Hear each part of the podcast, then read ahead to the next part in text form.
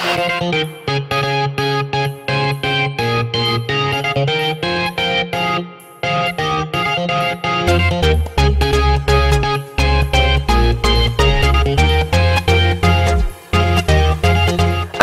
الله أوقاتكم بكل خير أينما كنتم وأينما تواجدتم. وحياكم الله جميعا في بودكاست إكسترا سبورت. معي أنا هيثم عبيد ويأتيكم هذا البودكاست كل عطلة نهاية أسبوع. أما اليوم فحلقتنا تحت عنوان جنرالات الحروب الكروية.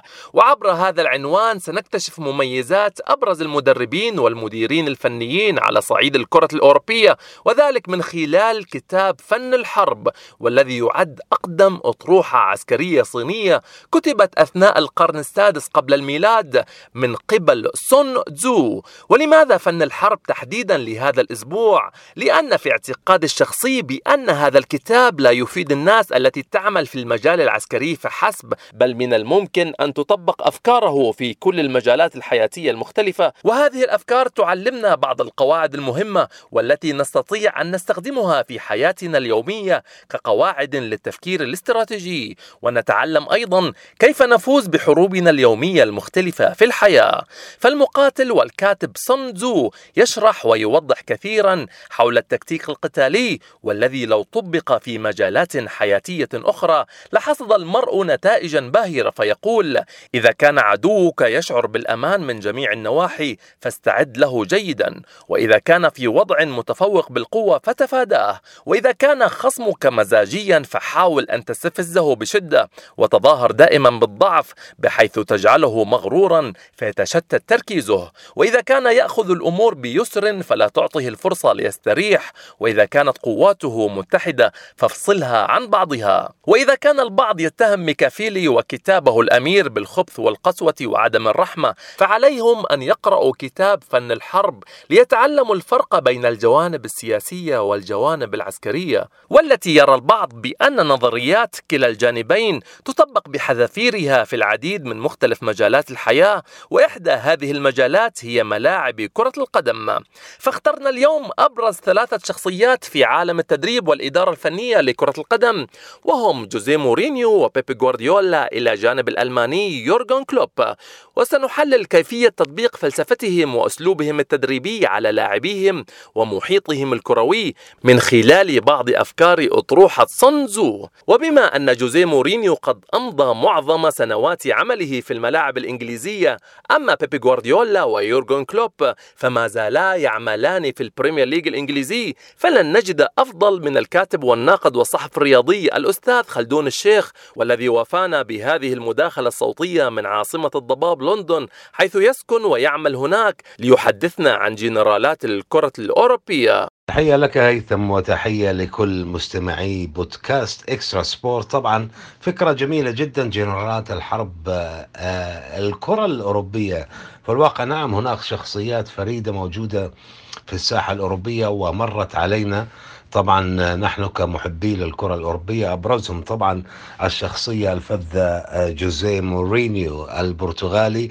طبعا هو شخصية واثقة أعطت انطباعا دائما بأنه إما البعض يعشقها بوصفها شجاعة شخصية شجاعة وكاريزماتية صاحب آراء جريئة والبعض الآخر رآها متعجرفة ومتكبرة لا يرى إلا نفسه يعني يفكر دائما بالأنا.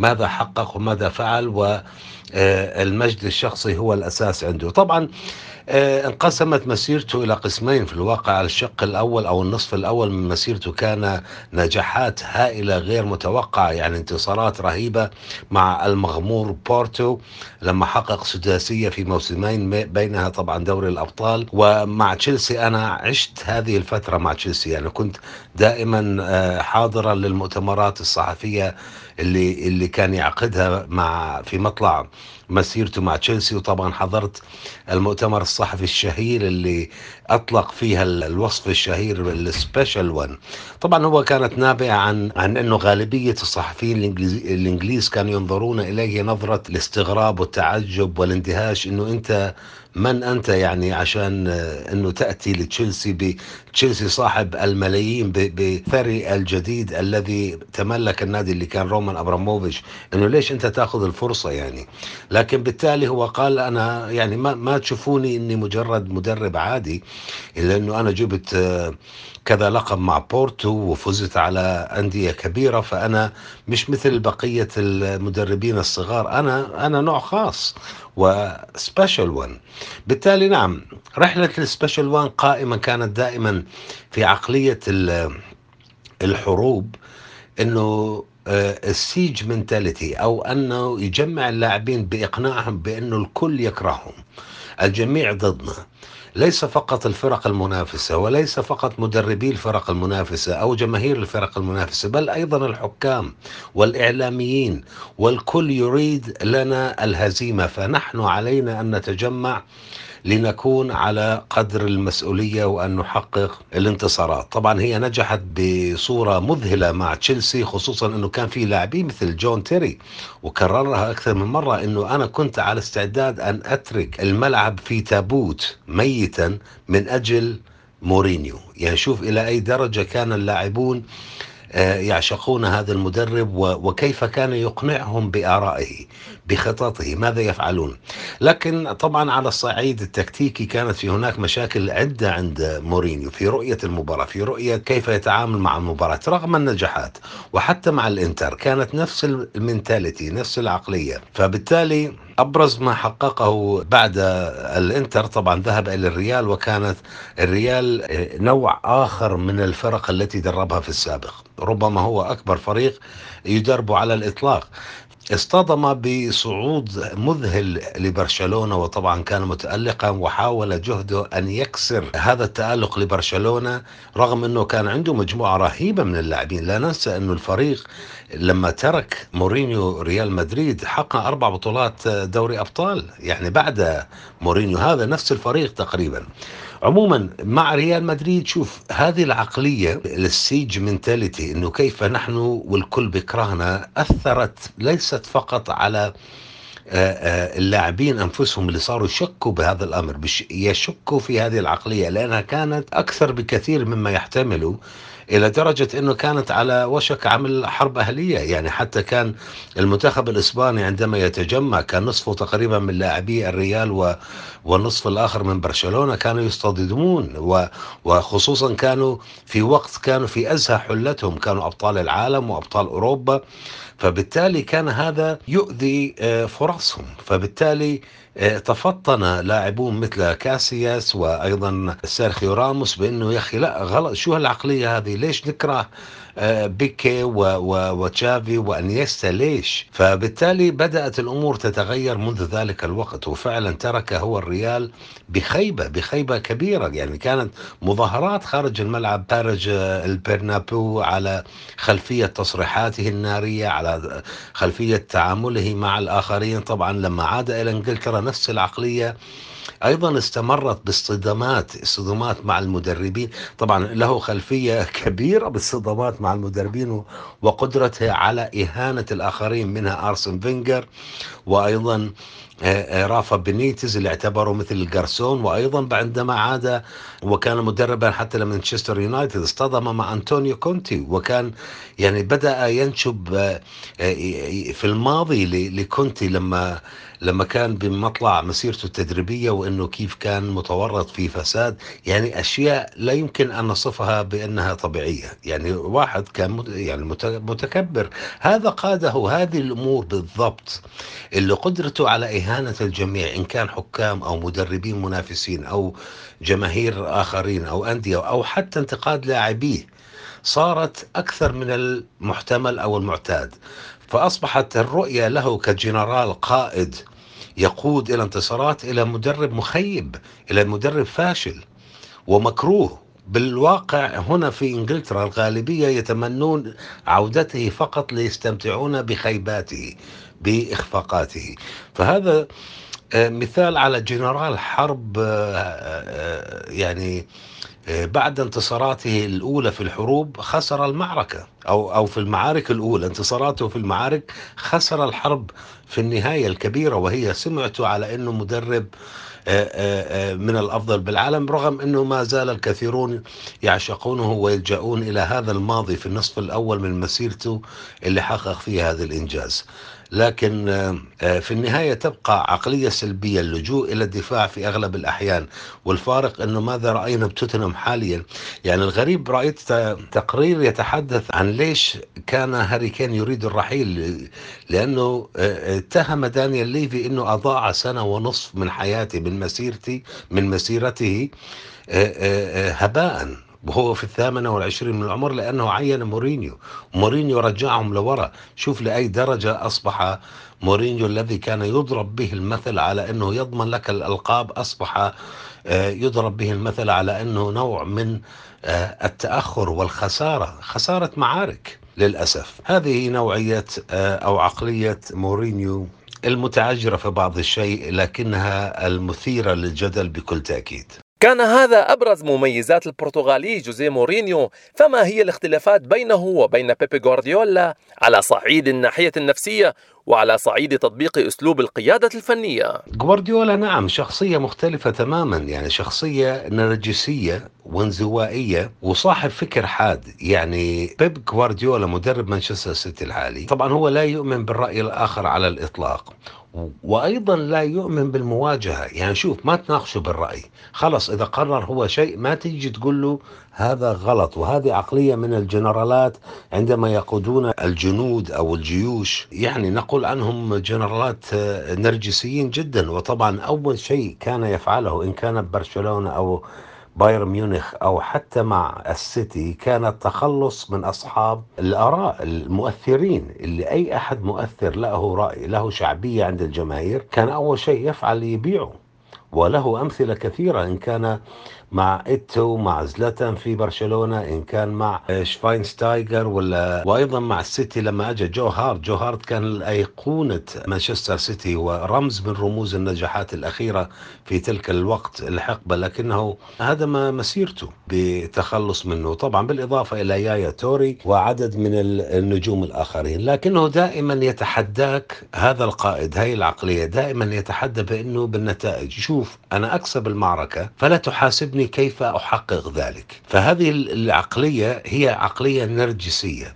وبالتالي عندما تأتي معارك حاسمة مثل نهائي دوري الأبطال هذه معركة ويبدأ هو بعمل بعض التغييرات الغريبة ما حدا بيسأله فيها. وتأتي النتيجة السلبية يعني يدافع عن هذه الفكرة بأنه يا أخي أنا حققت الكثير من الألقاب في السابق. وطبعا كانت شغلة أو لوثة عقلية هي التي قادت إلى هذه الخسارة. طبعا هو وصف أيضا بالعنصري عنصري في أكثر من لاعب بينهم يايا توري. طبعا يايا توري اعتذر عن هذا الوصف له وقال لم أقصد هو فعلا لم يكن عنصريا. لكن أنا متأكد هي نابعة من النرجسية والفكرة وليس من العنصرية. طبعا حتى كثير من أنصار رياض محرز أطلقوا عليه هذا اللقب أنه عنصري. يعني إذا أجلس لاعب احتياطيا يصبح عنصريا هذا مش منطقي لكن هو بالتأكيد نرجسي.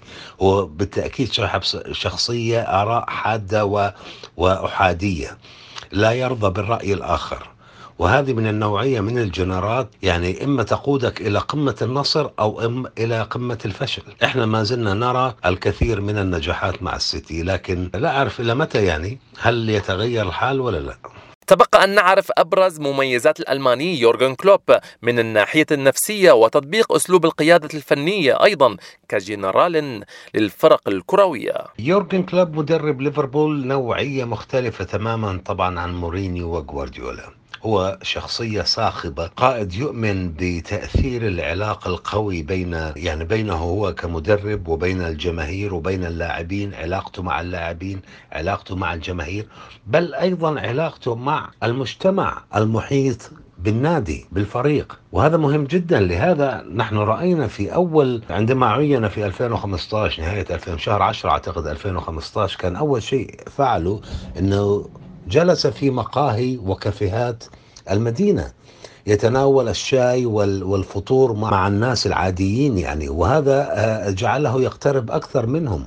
بل كان دائما بعد المباريات يذهب ويحتفل إن كان خصوصا بالانتصارات طبعا معهم. وأيضا إذا خسر مثل خسارة نهائي دوري الأبطال في 2018 له طبعا مشهد رائع. بعد المباراة وخيبة الخسارة أمام ريال مدريد كان يغسل أحزانه مع الجماهير وكأنه واحد منهم وكأنه طول عمره يشجع نادي ليفربول. هذه النوعية من من الشخصية طبعا آه، آه، أو قائدي أو أو جنرالات الحرب الكروية.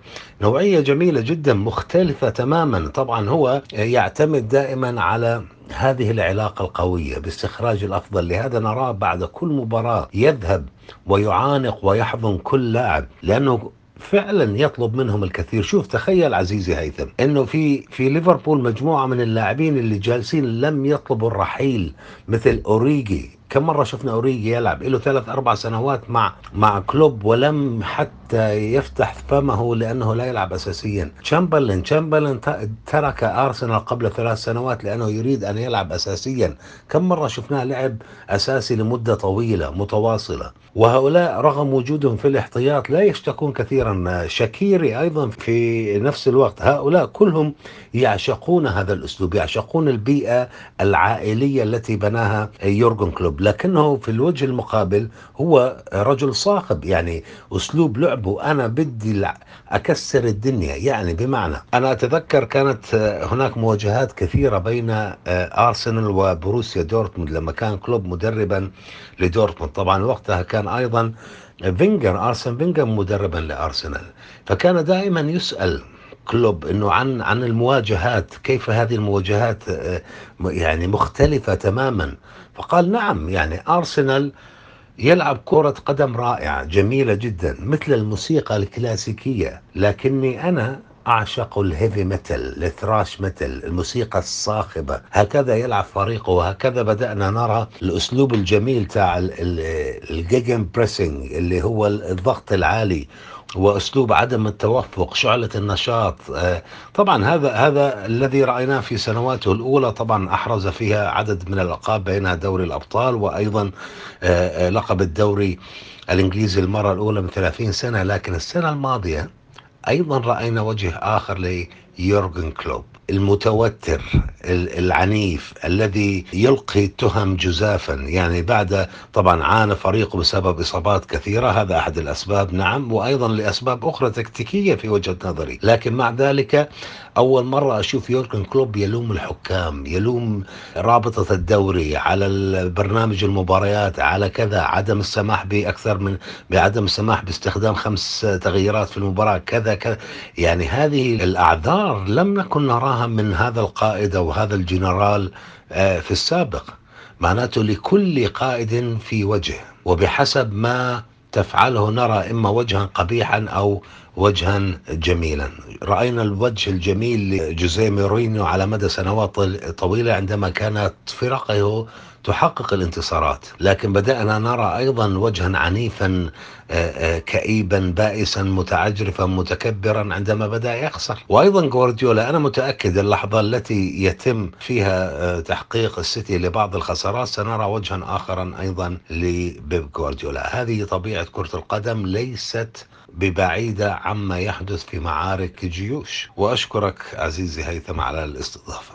شكرا جزيلا لك الناقد والكاتب والصحفي الرياضي الأستاذ خلدون الشيخ على هذه المداخلة الصوتية وعلى الإجابات.